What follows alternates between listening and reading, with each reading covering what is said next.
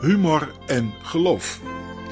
Beste mensen, eerlijk gezegd geniet ik, zeker met een deel van onze kleinkinderen in de bijpassende leeftijd, elk jaar weer van de Sinterklaastijd.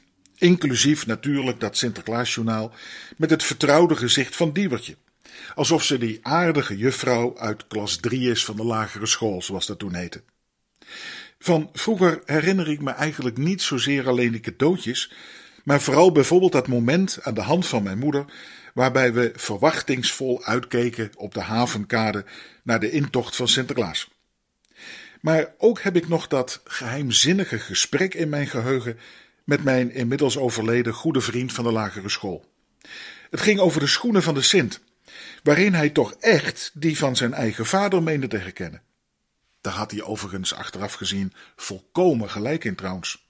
Ondanks mijn tegenwerping van toen dat dezelfde bruine schoenen vast toeval waren.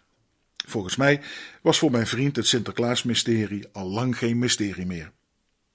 Maar eigenlijk gaan mijn mooiste herinneringen terug naar een iets latere tijd.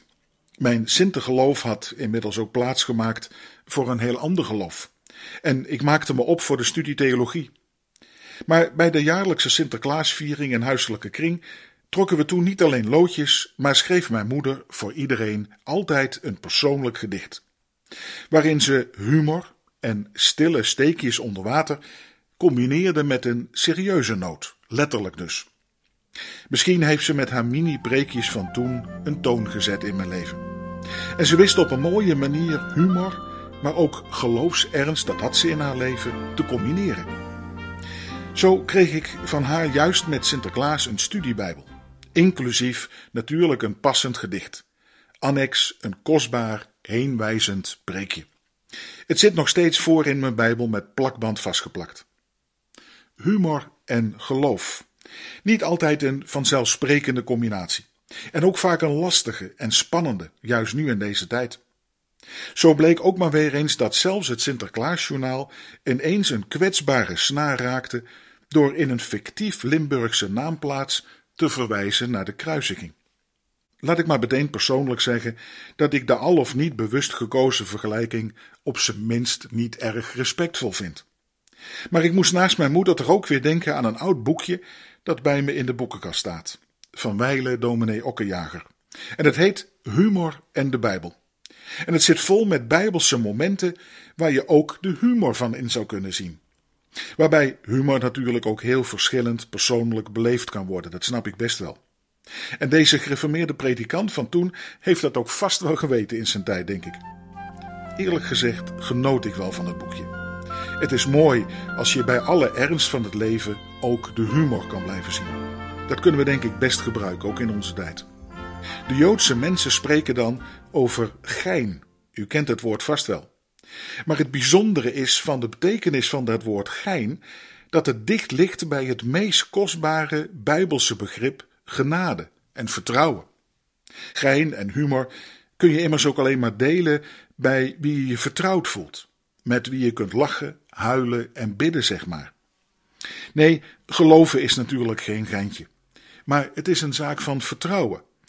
En juist het christelijk symbool van het kruis spreekt juist van liefde en vertrouwen. Het is de kern van het evangelie, waar God zijn Zoon gaf, Jezus Christus, uit liefde, tot vergeving van zonde, waardoor we God ook weer Vader mogen noemen. En we horen juist daar zeggen dat Jezus al die destructieve machten en krachten, die er soms ook in jezelf kunnen zitten, op het kruis te schande heeft gemaakt. Ze openlijk te kijk heeft gezet, bespottelijk gemaakt, omdat hij ze daar overwonnen heeft. Een mooie gedachte. Ook een jager daagt de christenen van toen en nu uit om zo ook met humor naar onszelf te kijken. En naar al die dingen die ons onvolmaakte leven soms ook zo om te lachen of om te huilen kunnen maken. En dus ten diepste op het kruis thuis horen. Het kan dus ook voor gelovigen geen kwaad, ook de humor en de ernst, om gein en genade te combineren en daarbij hoort ook soms om maar gewoon te zeggen waar grenzen al of niet bewust overschreden worden. Juist in onze zo gepolariseerde samenleving hebben we gein en genade allebei zo broodnodig. Of zoals een oude Bijbelleraar eens zei: Het geheim van de ware humor is juist te leven in en uit de vreugde van Christus. En dan, dan heb je genade en gein bij elkaar. Een prachtige combinatie.